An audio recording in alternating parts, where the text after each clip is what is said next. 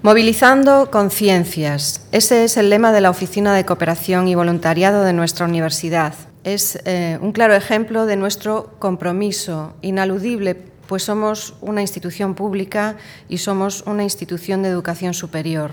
Nuestro compromiso en la formación de una ciudadanía activa, crítica, responsable, transformadora y políticamente comprometida con la lucha por una justicia global basada en la interdependencia sur-norte y en la interdependencia entre las personas.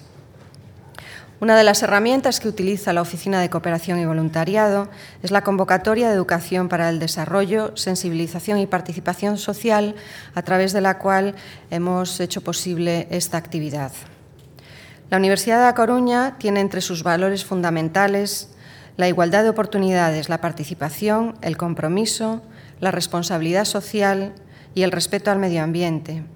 Nuestro compromiso como universidad está con la formación de las personas, con la formación del estudiantado con valores y con formación de una universidad que busca una sociedad más justa y con la consecución en concreto de los Objetivos de Desarrollo Sostenible de la Organización de Naciones Unidas. En concreto, el Objetivo 16 se centra en la promoción de sociedades pacíficas, justas e inclusivas, en la provisión de acceso a la justicia para todas las personas y la construcción de instituciones responsables y eficaces a todos los niveles.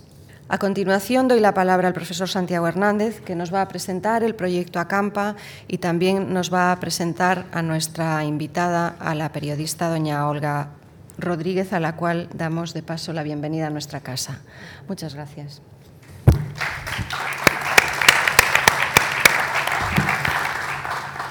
Muchas gracias, vicerectora. Muchas gracias, Pilar.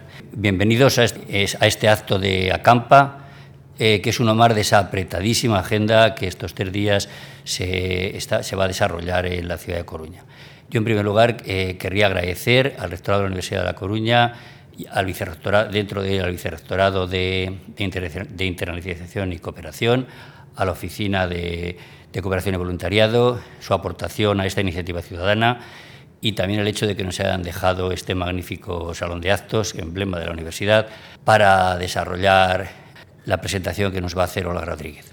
Eh, Acampa, como reza el nombre, es una iniciativa por la paz y el derecho al refugio.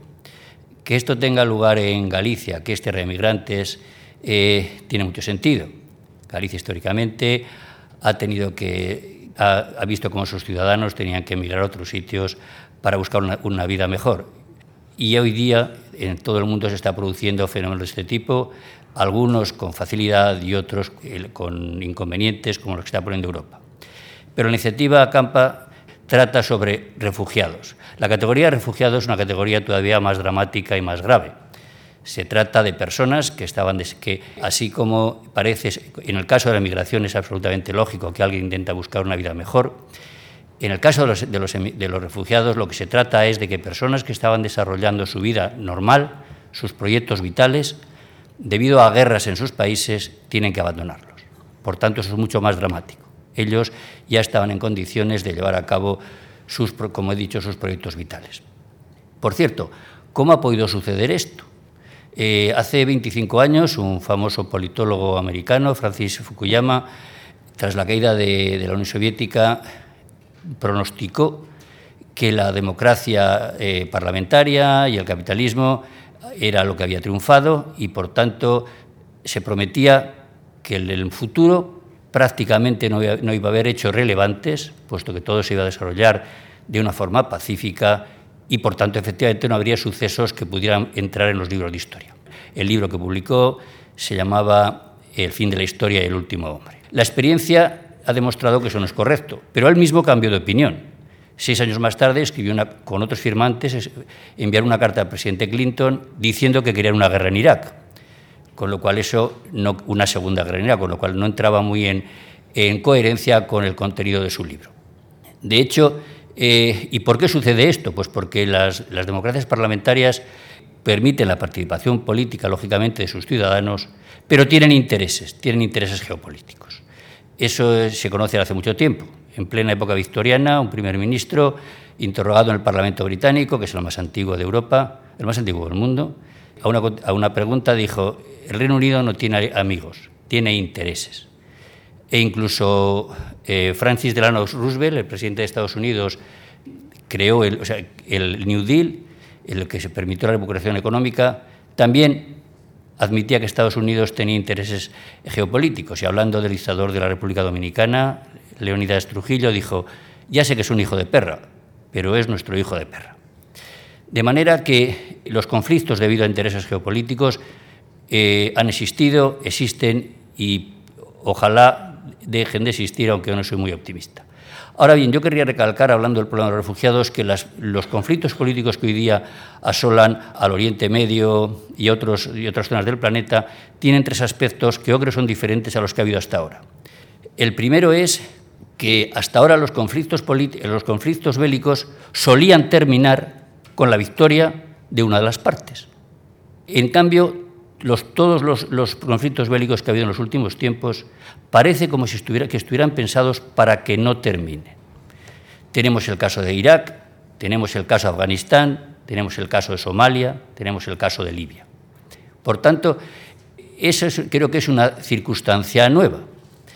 Eh, al final lo que aparece son una serie de estados fallidos eh, en, el que, en un juego en el que todos, todos pierden, pero especialmente los ciudadanos de esos países que son los que se convierten en refugiados y son los que, eh, por los que Acampa muestra eh, su, interés y su pasión. El segundo es que de todos estos conflictos bélicos, la mayoría de las víctimas son civiles. En las guerras, pensando de una manera simple, parece que quienes, mueren, son los, que pertenecen a las Fuerzas Armadas. Pero eso era antes. Yo creo que la guerra de Vietnam fue el punto de inflexión de este asunto. En la guerra de Vietnam eh, Estados Unidos movilizó a 2.500.000 soldados, llegó a tener 500.000 soldados a la vez en Vietnam y en toda la guerra de Vietnam hubo 58.000 muertos, 50.000 soldados americanos muertos, de ellos 9.000 en accidentes, no en combate. Yo creo que los militares se dieron cuenta de que la guerra es peligrosa y han decidido que ellos no van a morir. De manera que los, actuales conflictos bélicos, lo que eh, eh, el inmensa de los muertos son civiles, que como no quieren morir, acaban huyendo y se convierten en millones de refugiados. Y el tercer aspecto es que, precisamente porque no se quieren terminar las guerras, parece que se están convirtiendo en ferias de muestras o, o compra de armas para, para estar en buena situación. Y de hecho, quiero resaltar que, por ejemplo, hace dos o tres días, con el lío que ha habido ahora entre los, entre los Emiratos de los países eh, de, la península arábiga y Qatar, Qatar ha comprado, Qatar es un, es un país que es un poquitín más grande que la provincia de Lugo, ha comprado aviones por valor de 12.000 millones de euros. ¿Qué significa esa cifra? Esa cifra es vez y media el presupuesto de la comunidad autónoma gallega. De manera que parece como si que estos conflictos bélicos que no se quieren terminar y que, se pretende que las víctimas sean los civiles, sea una especie de gran feria de muestra eh, de material bélico mundial. De todo esto nos va a hablar de una manera brillante Olga Rodríguez. Es una periodista con amplia y acreditada experiencia en muchísimos conflictos bélicos en diferentes países del planeta y además es una prolífica escritora. Es decir, que le da tiempo hasta escribir libros, pues supongo entre trinchera y trinchera y en un ambiente bastante poco silencioso, que es lo que parece que el oficio de la escritura requiere. Debido a su, a su capacidad eh, y, a su, y a su talento, ha recibido numerosos premios. El Premio Periodismo y Derechos Humanos de 2014, el Premio Enfoque 2014, el Premio Club Internacional de la Prensa del 2005, el Premio Colectivo Pluma de la Paz del 2004, el Premio Colectivo Ortega S 2003 y el Premio Turia 2003. De manera que os dejo con ella, que es la protagonista de esta mañana. Así que, Olga, por favor, cuando quieras.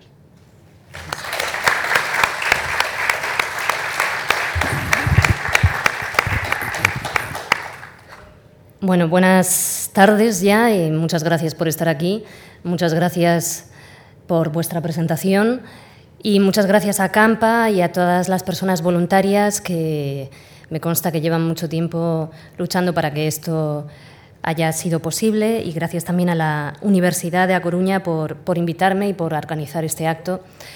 En un momento en el que yo creo que todas y todos debemos preguntarnos quién defiende los derechos humanos, porque mm, bueno, vemos como en los últimos años estamos sufriendo un retroceso y unos recortes de derechos humanos y libertades en los países eh, llamados democráticos y así consta según todo tipo de informes, por ejemplo, el año pasado, en 2016, se produjo el mayor retroceso en libertades y derechos humanos en los, en los países, en diversos países llamados democráticos de, de los últimos años. Estamos viviendo y viendo cómo hay una normalización de esos recortes de los derechos humanos y una normalización de determinados discursos, discursos que están abrazando la, la xenofobia y el racismo.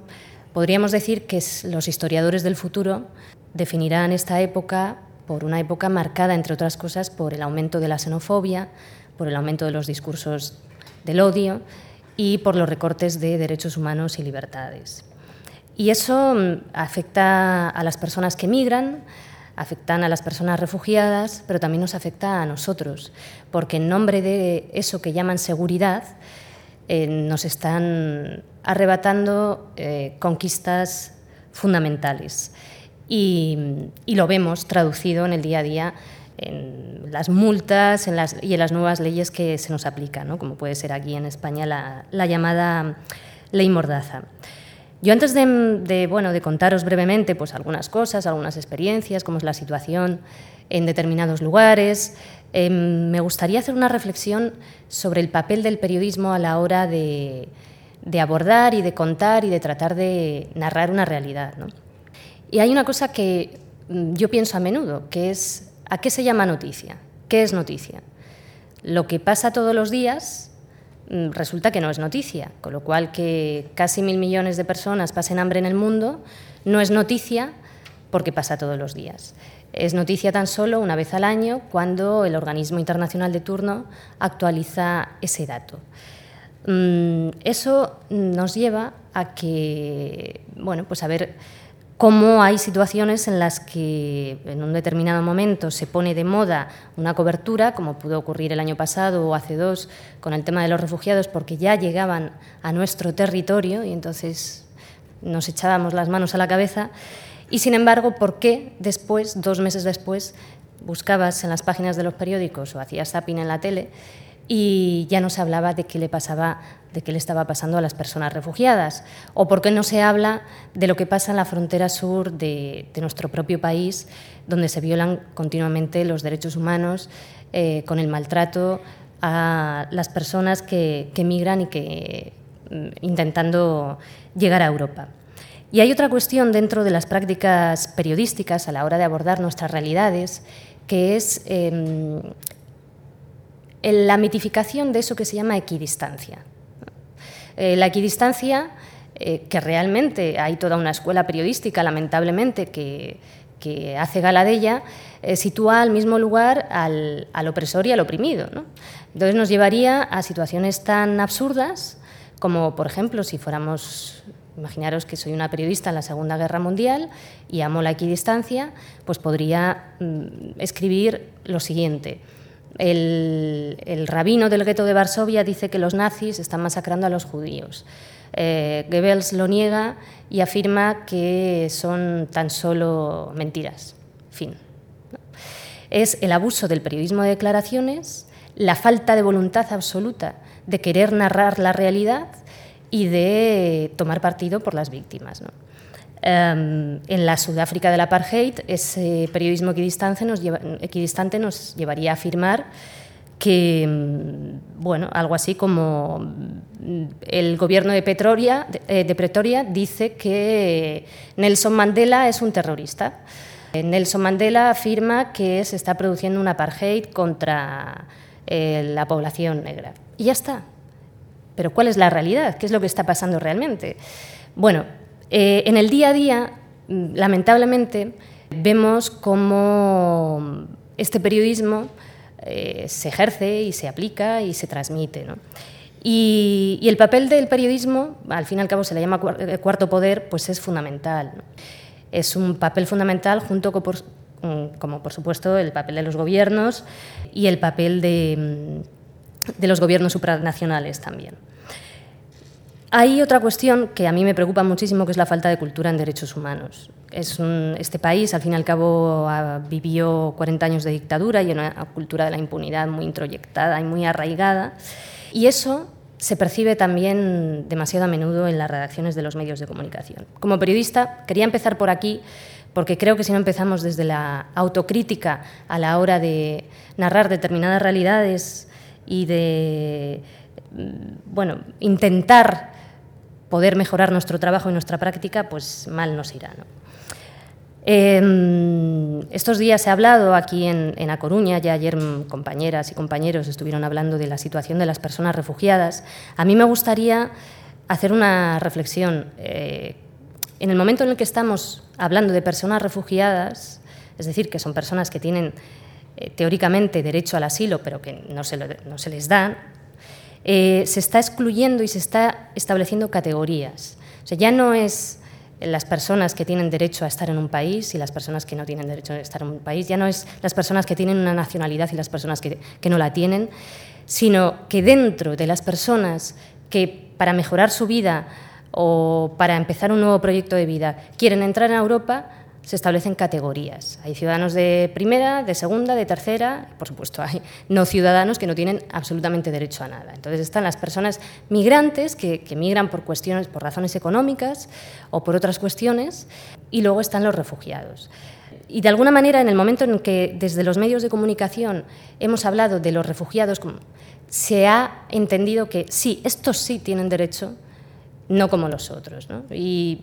Y esto yo creo que también merecería una reflexión.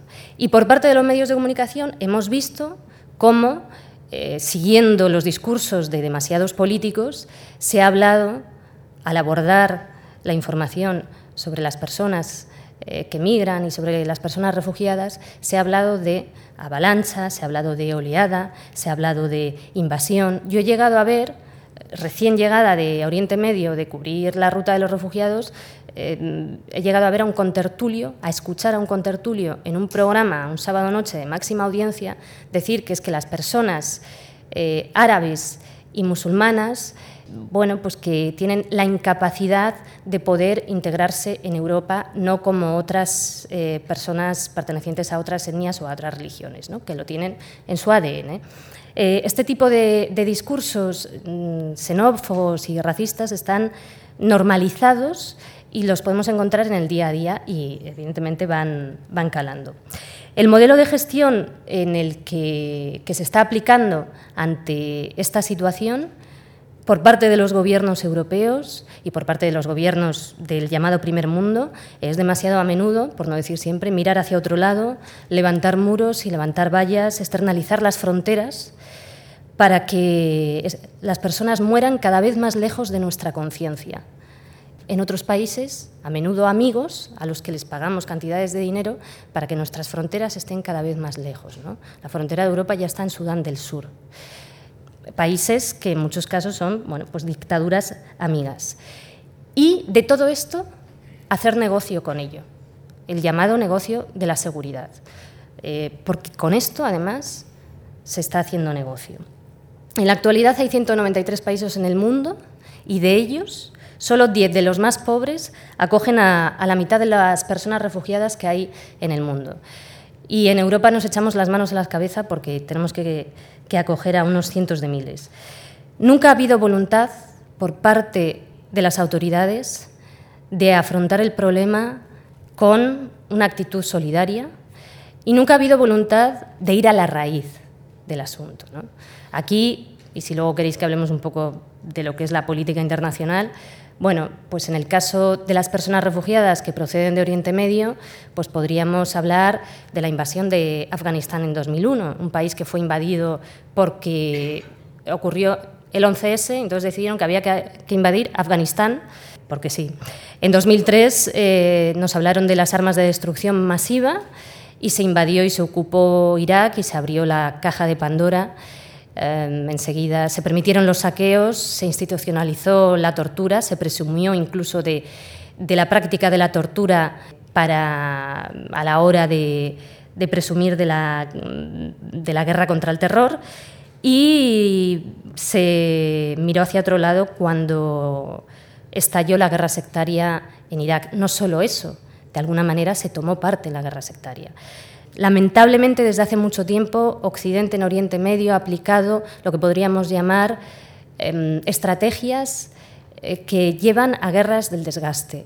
En los años 80, la guerra de Irán e Irak eh, duró más de ocho años y terminó con más de un millón de muertos y Estados Unidos y sus, aliados apoyaron a Irak, pero en un momento dado, cuando vieron que Irak estaba asumiendo cada vez más eh, fuerza, decidieron eh, subterráneamente armar a Irán y además, como, sabréis, eh, a través de la venta de, esas armas, pues aprovecharon para financiar a la contra nicaragüense. De ese modo tenían a dos potencias regionales enfrentadas luchando entre ellas y desgastándose entre sí. Y de alguna manera hoy estamos viendo lo mismo eh, con, otras potencias en la región esos arrestos arbitrarios que se producían en Irak, esa persecución sectaria, esas cárceles secretas en las que estaban y está institucionalizada eh, la, tortura,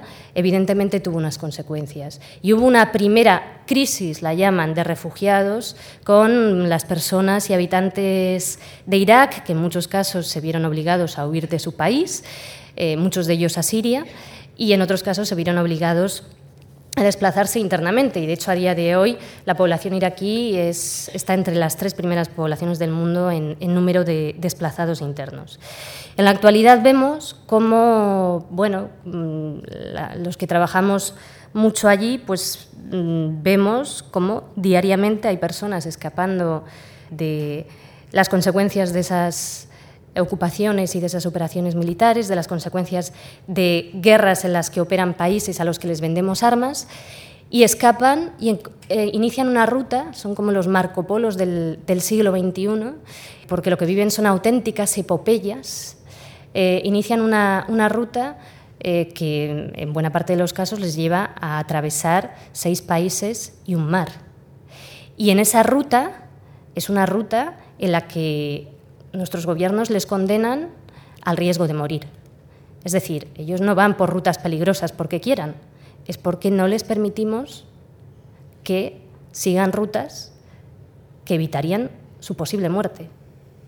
Es decir, en una especie de gincana, de hecho, los gobiernos europeos cada vez establecen rutas más peligrosas, porque una vez eh, que las rutas, o sea, porque van, eh, van dificultando todas las rutas más fáciles y llega un momento en que, eh, bueno, pues con el deseo de huir y con el deseo de emprender y de comenzar de cero, pues evidentemente asumen riesgos absolutamente innecesarios. Eso tendría una solución muy fácil, muy fácil. Establecer em, desde los países de origen o desde los países vecinos a través de embajadas europeas la posibilidad de que accedieran a visados de refugiados. Pero eso no existe. Pero se podría hacer, se podría hacer, sería absolutamente factible. Que pudieran pedir el derecho al asilo esos lugares, se podría hacer. Em, bueno, pero no, no es así. Entonces cruzan rutas cada vez más peligrosas y en muchos casos bueno, pues pagan hasta 8.000 euros. Solo para cruzar Turquía, de Turquía a Grecia han pagado 1.000 euros.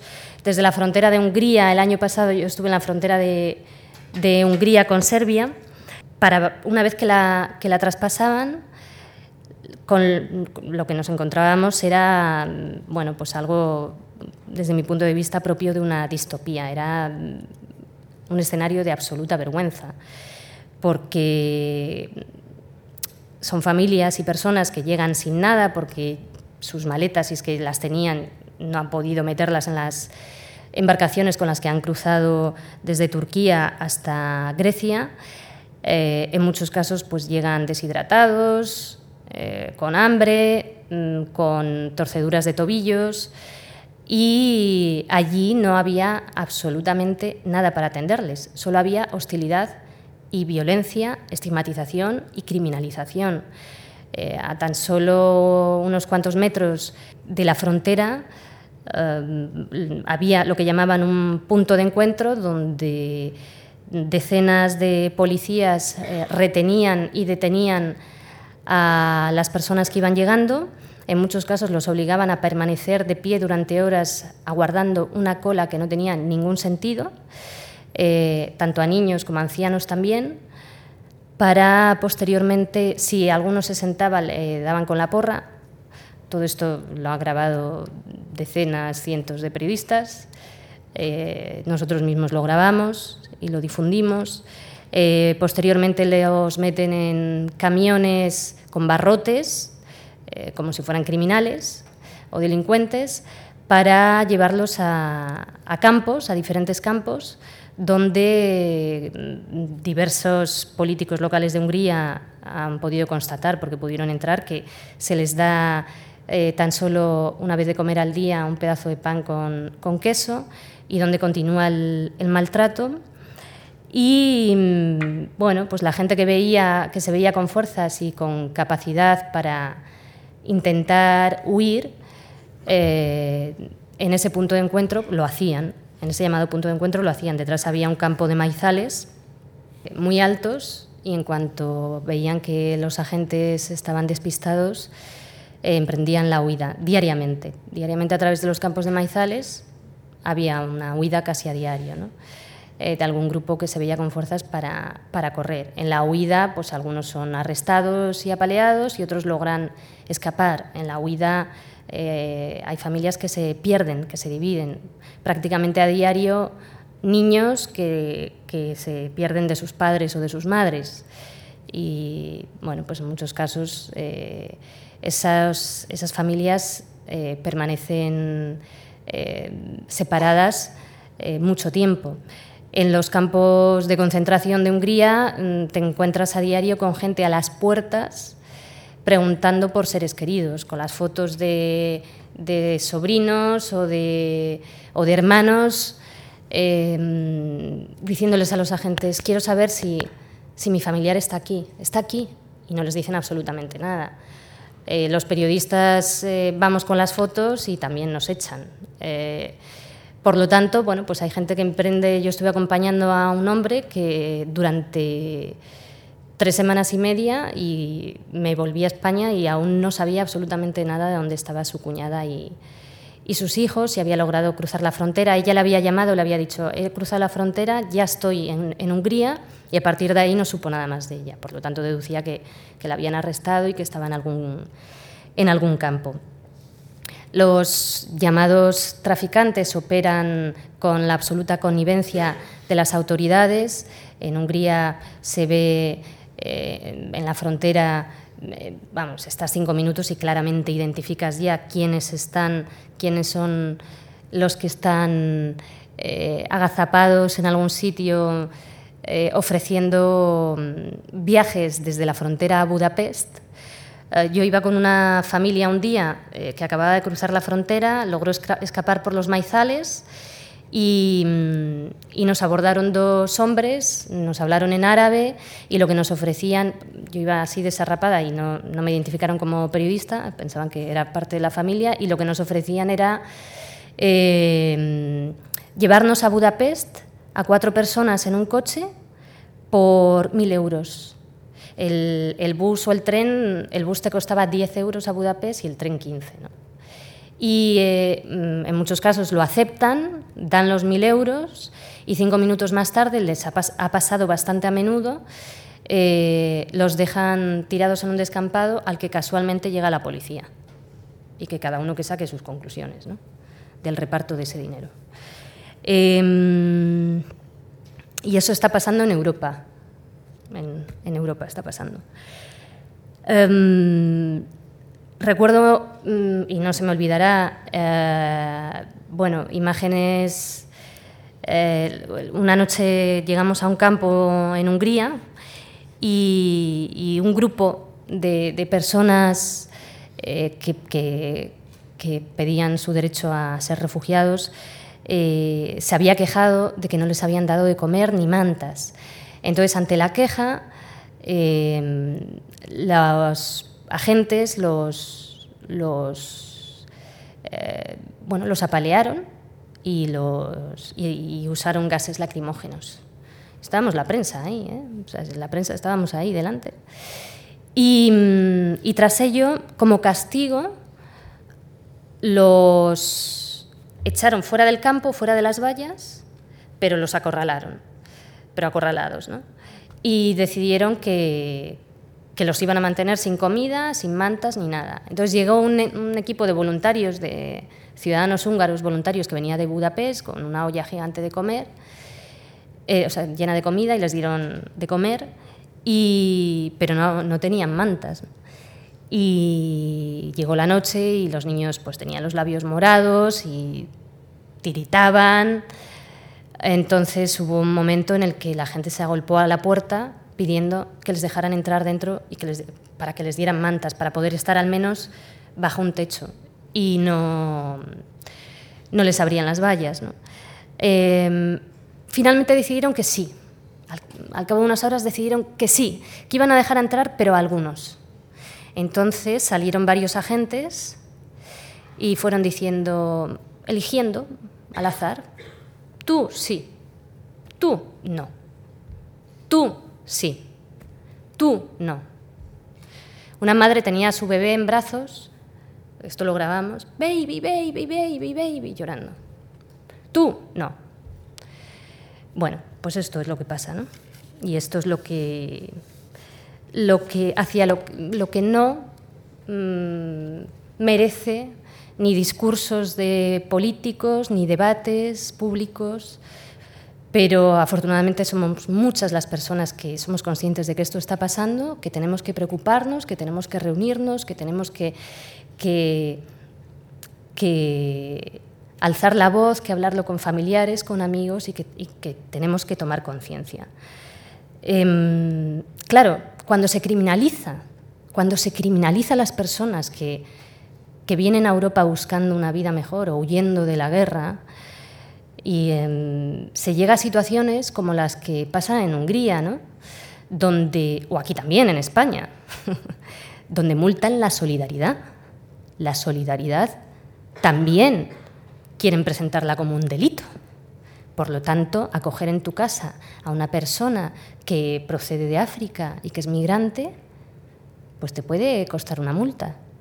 Por lo tanto, llevar en un taxi a una persona refugiada es una multa. Entonces los taxistas en la frontera de Serbia con Hungría siempre nos pedían los pasaportes porque decían, no quiero ser multado si llevo a un refugiado.